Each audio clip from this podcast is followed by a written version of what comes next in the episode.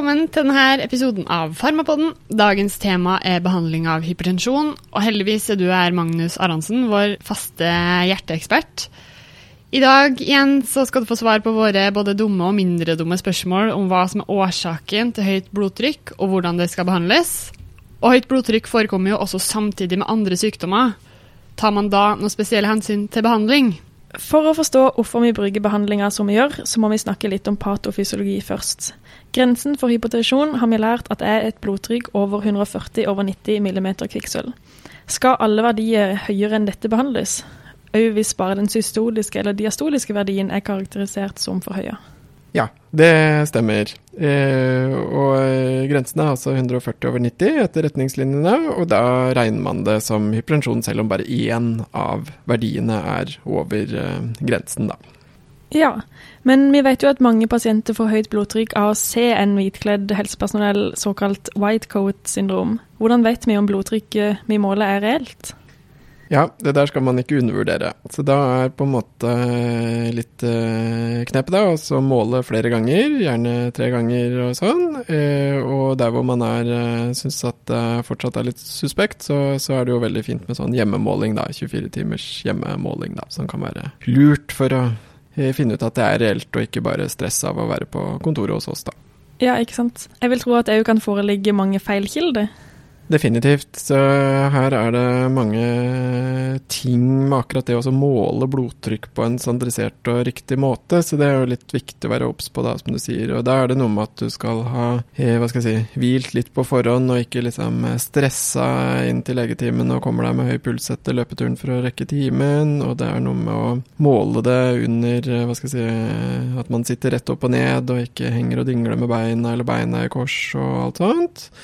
Og så er det noe med å på en måte måle med en riktig mansjett. Da. En klassiker er jo å måle med en mansjett som er, har helt feil størrelse. Altså noen har større armer enn andre, og mansjetten må være tilpasset uh, det, da. Så standardisert blodtrykksmåling, alfa og omega, for å få et uh, reliabelt resultat.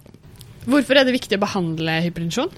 Det er et veldig godt spørsmål. Eh, hypertensjon i seg selv, altså hva blodtrykket er, er jo ikke sånn kjempeviktig for pasienten da. Men det som er utrolig viktig, det er jo at eh, det å ha høyt blodtrykk, det gir jo veldig slitasje på kroppen. Eh, og det er jo lett å tenke at hjertet må jo jobbe fryktelig mye mer da, når blodtrykket, altså motstanden mot pumping, er eh, større.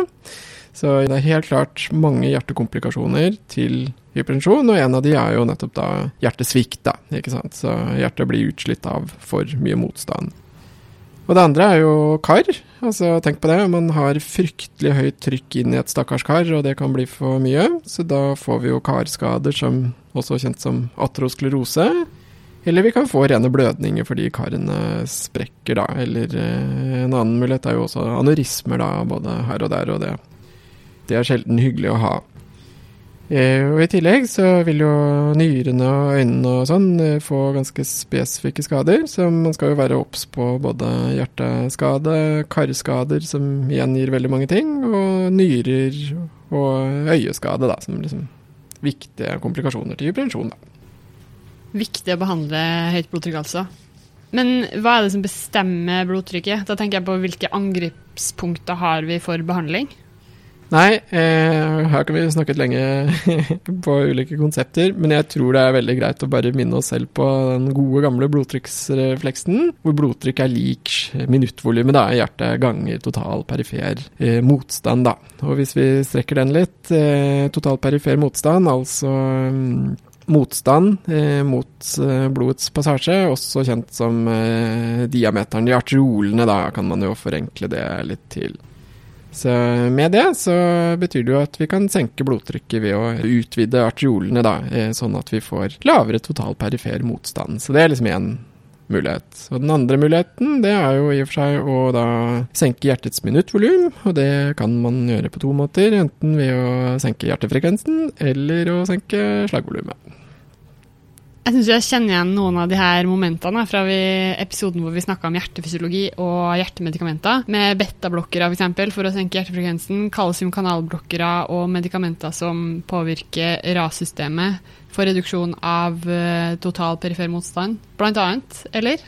Absolutt, absolutt. Så hvis man har lyst, så kan man jo repetere den episoden hvor vi snakker om dette, så får man jo det litt mer generelt, da. Det er jo en mulighet. Men vi må litt raskt gjennom det her òg, litt mer systematisk. Og i stedet for å gå gjennom alle detaljer, så kan du highlighte det som er spesielt viktig ved de forskjellige medikamentene i forbindelse med hypotensjonsbehandling.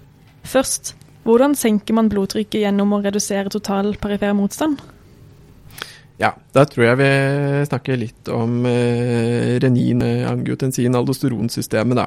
Ultrakjapt så får vi jo reninutskillelse når vi mm, har eh, sympatikusaktivering eller bare lite blodforsyning gjennom nyrene osv. Så, videre. så det er jo et stressystem. Og den viktigste tingen som jeg tror man må få med seg om hele renin, angiotensin, aldosteron, det er at angiotensin 2 det er et utrolig sterkt vasokonstriktorisk eh, stoff, som da øker totalperifer motstand veldig. Så klarer vi å blokke effekten av angiotensin 2, så er det en veldig potent måte å eh, senke blodtrykket på, rett og slett ved å da eh, dilatere karene, eller teknisk sett motvirke konstruksjonen av kar som angiotensin 2 gjør, da. Eh, og da er eh, to ulike angrepspunkter farmakologisk på det. Det er å bruke ACM-er, som hindrer omdanning av angiotensin 1 til angiotensin 2. Eh, og ACM-er brukes jo mye, de slutter jo på prill, så det er veldig greit å huske det. Og så er den andre måten, da, det er å blokkere reseptoren for angiotensin 2. Og det er disse angiotensin 2-reseptor 1-blokkerne, eller litt enklere sagt ARBS, som alltid da slutter på sartan. da. Begge de to vil da ha eh, den fine, finfine effekten at vi får mindre vasokonstriksjon som følge av at vi blokkerer effekten av angiotensin 2, da. Mm. Kalsiumkanalblokkere som slutter på dipine, reduserer vel òg total perifer motstand ved å gi vasodilatasjon. Er det noe spesielt med disse i forhold til hypotensjonsbehandling?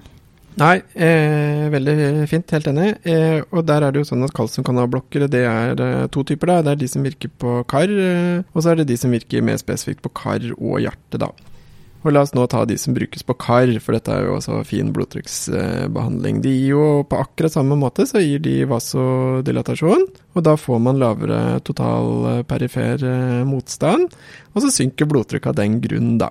Og da vil jeg bare highlighte da hvor eh, logisk eh, dette er. fordi at hva er bivirkningen som står om i felleskatalogen og sånn, ved bruk av disse legemidlene? Jo, det er jo reflekstakikardi. Eh, fordi at nå bruker vi en medisin som senker total perifer motstand, og så faller jo blodtrykket. Og hva gjør hjernen? Jo, den vil jo gjerne eh, motvirke dette her, da, så den aktiverer sympatikus eh, litt. Og så får man gjerne bitte litt høyere puls. Det kan være greit å fortelle til pasientene våre da, at det at du får høyere puls, det er ikke noe farlig her. Det er tvert imot et lite tegn på at eh, medisinen virker, da. Det er en litt sånn spesifikk ting for kalsiumkanalblokkere, da. Men i prinsippet så er det jo samme effekt, da. Man får lavere total perifer motstand, og da får man mindre blodtrykk, rett og slett.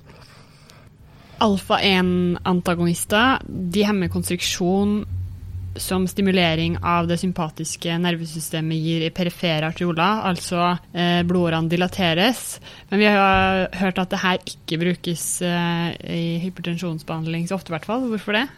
Ja, Dette er jeg veldig glad for at dere tar opp, for det er eh, klinisk viktig.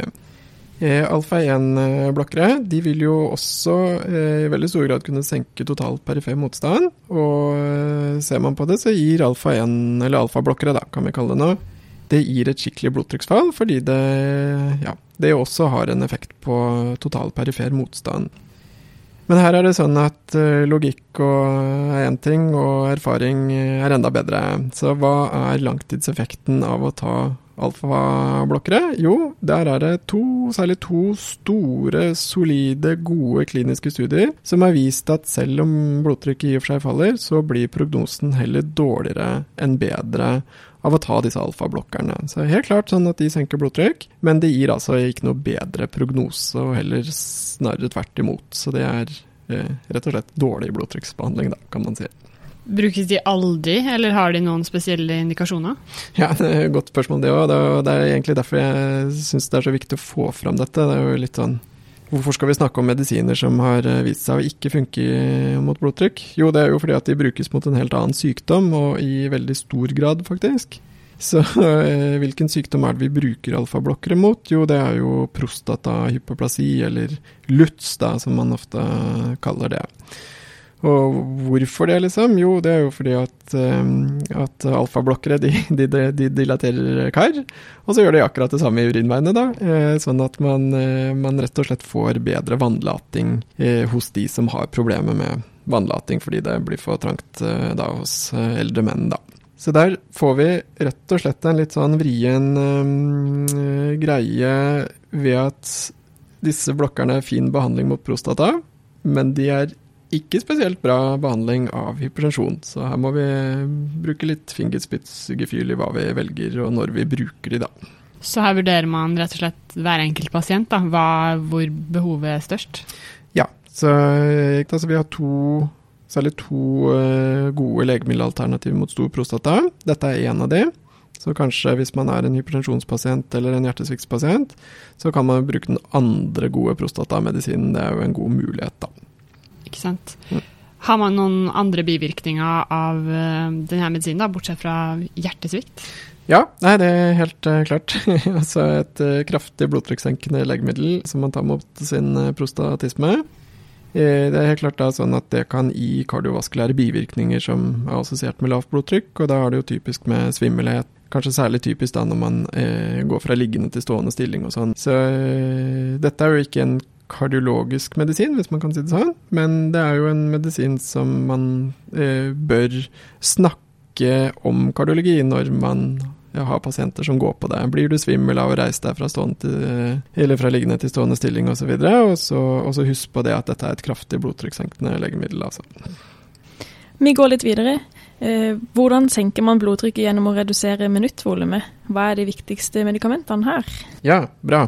Der kan vi godt snakke om eh, tre grupper. Eh, jeg skal ta det litt kort, da, siden det var denne hypertensjonsgreia. Men eh, betablokkere, som slutter på LOL alltid, de er jo finfine i å senke minuttvolumet, da. Da senker man både puls og slagkraft med betablokkere, da.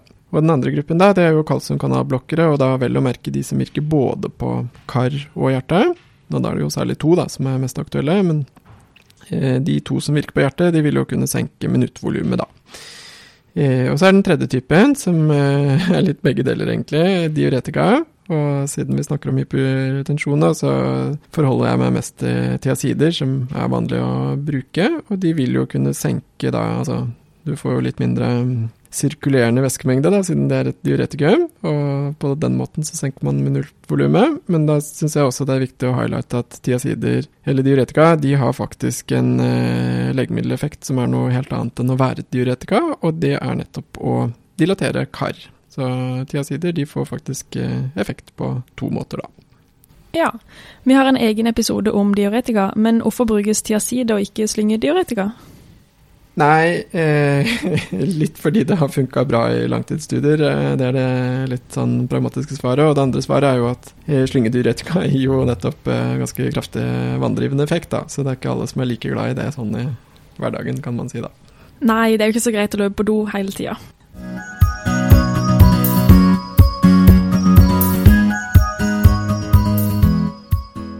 Da har vi fått repetert de viktigste medikamentene, eh, men hvilke av de her skal man velge? Magnus, jeg håper du har noen retningslinjer vi kan støtte oss litt til? Ja, dette er jo egentlig veldig greit hvis man eh, bare følger de europeiske retningslinjene. For de er veldig tydelige på hva som er eh, det lure å gjøre. Og da gjelder det å huske nå at, sånn som vi sa i starten, tror jeg, at det er ganske stor forskjell på liksom det å ha ukomplisert hypertensjon, altså liksom man har hypertensjon og det er det man har, versus det at man har en altså kombinasjoner av atreflimmer og hypertensjon og sånn. Men la oss nå ta det viktigste og vanligste, altså ukomplisert hypertensjon. Man er en hypertensjonspasient, men har ikke andre liksom, kompliserende faktorer, da. Og der er de europeiske retningslinjene veldig klare. Da skal man velge to medikamenter, faktisk. Altså ikke ett uh, medikament, men to medikamenter er standardbehandling. Og da kan vi velge mellom ACM-er eller ARB, som liksom del én. Og de gjør jo mye av det samme, husker vi jo, med en bitte liten forskjell. Men altså ACM-er eller ARB som én. Og del to er kalsiumkanalblokker eller diuretika da i praksis tiazider som del to, da, som kombinasjoner. Jeg husker jo, vi har jo snakka om det at eh, man bruker da en arb istedenfor en AC-hemmer ved f.eks. tørrhoste. da. Mm. Men eh, hva er det som bestemmer om man vil ha en kalsiumkanalblokker eller diuretika i tillegg? Nei, det er nok litt sånn preferanser og ikke nødvendigvis noen sånne kjempegode grunner. Altså det kan du og pasienten velge litt, eh, men det er klart at eh, hva er pros og cons med hvert av medikamentene, og la oss ta tiazider f.eks. Altså, det kan jo være assosiert med podagra f.eks., og da har pasienten hatt det, eller du bruker ditt kliniske skjønn og tenker at her er det en som er i risikosonen for det, så vil jo det på en måte trekke litt ned, da, ikke sant? Og omvendt, så ja. Så, så det kommer an på og litt sånn eh, ellers. Men i store det hele så kan det velges litt. Og en gang iblant så eh, må du bare prøve. For for noen så funker det ene, og andre funker det andre. Så det er jo en god greie å kanskje bare prøve. Og hvis eh, doktoren er fornøyd med at blodtrykket kommer på plass, og pasienten er fornøyd, for det er ikke for ubehagelig, liksom, ja, men da er det fint, da. Og hvis det, doktoren eller pasienten ikke er fornøyd, så kan man jo prøve å bytte, liksom. Vurderer man noen gang monoterapi? Ja, det kan man jo i og for seg også gjøre, og eh, ikke som førstevalg, altså det å bruke ett eh, legemiddel. Men hvis man har litt eh, altså, lavgradig hypertensjon, da, ned mot laveste grense, eller hvis man er eldre, da, i praksis over 80, så, så, er det også lov med monoterapi, da. Men hva de her to alternativene velger man da? Blir det da AC-hemmer eller ARB? Eh, ved monoterapi så i og for seg alt uh, også der, men jeg, veldig ofte så blir nok det AC eller ARB, ja. Så, mm. Bruker man noen gang flere medikamenter enn de her to, da? Ja, det gjør man absolutt. Eh, så hvis man eh, Altså, førstevalget til de europeiske retningslinjene er sånn som vi sa. Og så er også retningslinjene sånn at hvis man ikke kommer i mål med det, og det er det jo mange man ikke gjør med, da, så kan man gå for til og med trippelterapi hvor man da velger alle tre, da, som vi har snakket om. Altså, og da regner jeg AC-hemmer og ARB som én, og så eh, kalsiumkanalblokker som to, og så diuretika som tre, da. Eh, og så er det det andre at hvis man eh, da heller ikke er i mål der, så går det an å legge på flere ting, og da er vel ofte da aldosteronblokker, da, eh, eller spironolakton eller tilsvarende som, som eh, ofte brukes, da. Mm. Tar man alle de her medikamentene alene, eller finnes det kombinasjonspreparater? Ja, veldig bra. Altså Flere av disse medisinene så finnes det kombinasjonspreparater, og det kan være veldig greit i det praktiske eh, livet. Så ser man på legemiddelhåndboka, sånn, så, så er det flere av disse preparatene som finnes da som kombinerte. da. Så pasienten tar én pille, men får to medisiner, og det, det kan ofte være veldig praktisk eh, både for doktoren og for pasienten. altså. Men hypotensjon kommer jo ikke alltid alene. Eh, det er jo ofte en risiko for andre hjertesykdom, f.eks. koronarsykdom eller andre sammen med hypotensjon. Hvis en pasient har hypotensjon kombinert med koronarsykdom, hvordan behandles det? Ja, veldig fint. Eh, for da highlighter du jo litt poenget også at det er litt forskjellige retningslinjer for det å ha bare hypertensjon versus det å ha hypertensjon kombinert med andre ting, da. Og ved koronarsykdom, altså det er jo ikke noe verre enn at uh, det stort sett er det samme som behandling av den andre sykdommen, egentlig. Men med koronarsykdom, altså man har angina eller noe sånt nå, så er det jo mye av det samme, men der vil man også veldig ofte da trekke inn en betablokker som uh, ikke er spesielt aktuelt. Uh, hvis man har bare hypertensjon Bl.a. som følge av at betablokkere har mye bivirkninger. Men de er jo fryktelig fine til å behandle mm, i kjemisk, eller eh, i kjemisk sykdom og, og, det der med oksygenbalanse. Så eh, her er det jo da et poeng å få en, en betablokker typisk, da. Eh, i, ja, I kombinasjon med de andre, som, som i og for seg er ganske likt, egentlig. Ja. Mm. Legger man til en betablokker da, eller bytter man den ut med en av de andre? Nei, da kan man ofte da ta en betablokker fra start. Altså at man tar kombinasjoner av CM-er og LR pluss betablokker. Det er nok en veldig vanlig kombinasjon. Eventuelt en kalsiumkanalblokker der òg, men der velger man jo ofte kalsiumkanalblokker som virker på hjertet, da, i tillegg for å få hva skal jeg si, den oksygenbedrende eh, effekten av kalsiumkanalblokker. Mm. Mm. Hva med hypotensjon og kronisk nyresvikt? Det er vel ikke en helt sjelden kombinasjon, det heller. Hvordan er behandlinga av hypotensjon kombinert med kronisk nyresvikt? Absolutt veldig bra, og det kan være to sider av samme sak, det. Fordi at hypotensjon i kronisk eh, nyresvikt. Og der er det vel egentlig bare å highlighte at ved, hvis du har nyresykdom, så er det ekstra sterk og god grunn til å bruke ACM-er og eh, eller ARB da, som en, en sånn kjernebehandling. Altså ACM-ere de senker blodtrykket, beskytter hjertet i og for seg, men har også gunstig, gunstig langtidseffekter mot nyre. Da. Så det er eh, kanskje noe å legge til eh, der, vil jeg si. Og I tillegg så kan man jo ofte da bruke diuretika, da, men eh, det kommer litt an på nyresvikten og sånn. så jeg Helt til slutt, hypertensjon og hjertesvikt. Og da er det jo HEF-REF som vi behandler, og ikke en veldig sjelden kombinasjon heller. Hvordan går man fram medikamentelt med denne problemstillinga? Der er Det kan man jo si at det er jo ganske Man trenger nesten ikke å tenke på hypertensjonen. Eh, man kan egentlig bare huske hva som er behandlingen av hjertesvikt, så er man i mål. Og da er det jo sant, standardbehandling av HEF-REF, redusert ereksjonsfleksjon er ACM-er og ARB, nei, unnskyld, ACM-er eller ARB. Og så betablokker og slyngedyretika. Det er liksom det man starter med, da. Og alle de tre er jo da på en måte behandlingen av HFRF, men vil i tillegg være blodtrykkssenkende behandling. Og der er jo litt av greia med at HFRF er jo at du skal jo ha ganske høye doser av både betablokker og, og i og for seg ACM-er.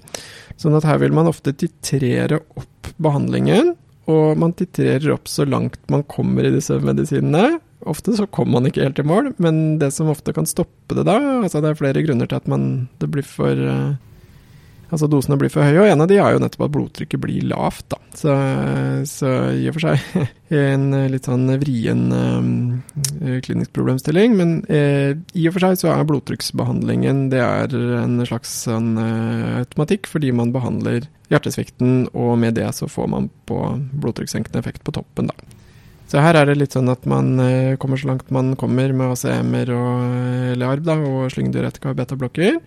Og så, akkurat som i og for seg ved hjertesvikt uten hypertensjon, det er ikke så farlig egentlig, så legger man til aldosteronblokker, da, hvis eh, det fortsatt er et problem. Og det er det som regel. Ikke sant.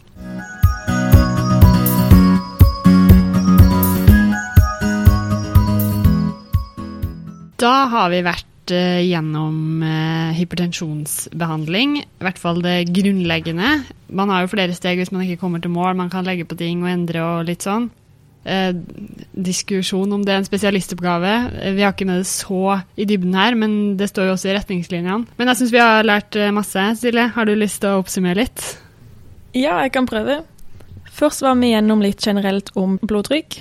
Og hypotensjon defineres som blodtrykk over 140 over 90 og skal behandles selv om bare én av verdiene er for høye. Blodtrykket måles tre ganger, og det er viktig å sitte rett, slappe av og være stille for å unngå feilkilde, som det finnes veldig mange av.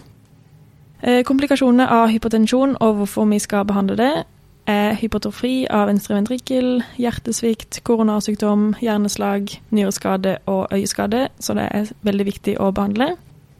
Blodtrykk defineres jo som slagvolum ganger hjertefrekvens ganger total perifer motstand, så her kan vi påvirke hver av disse faktorene.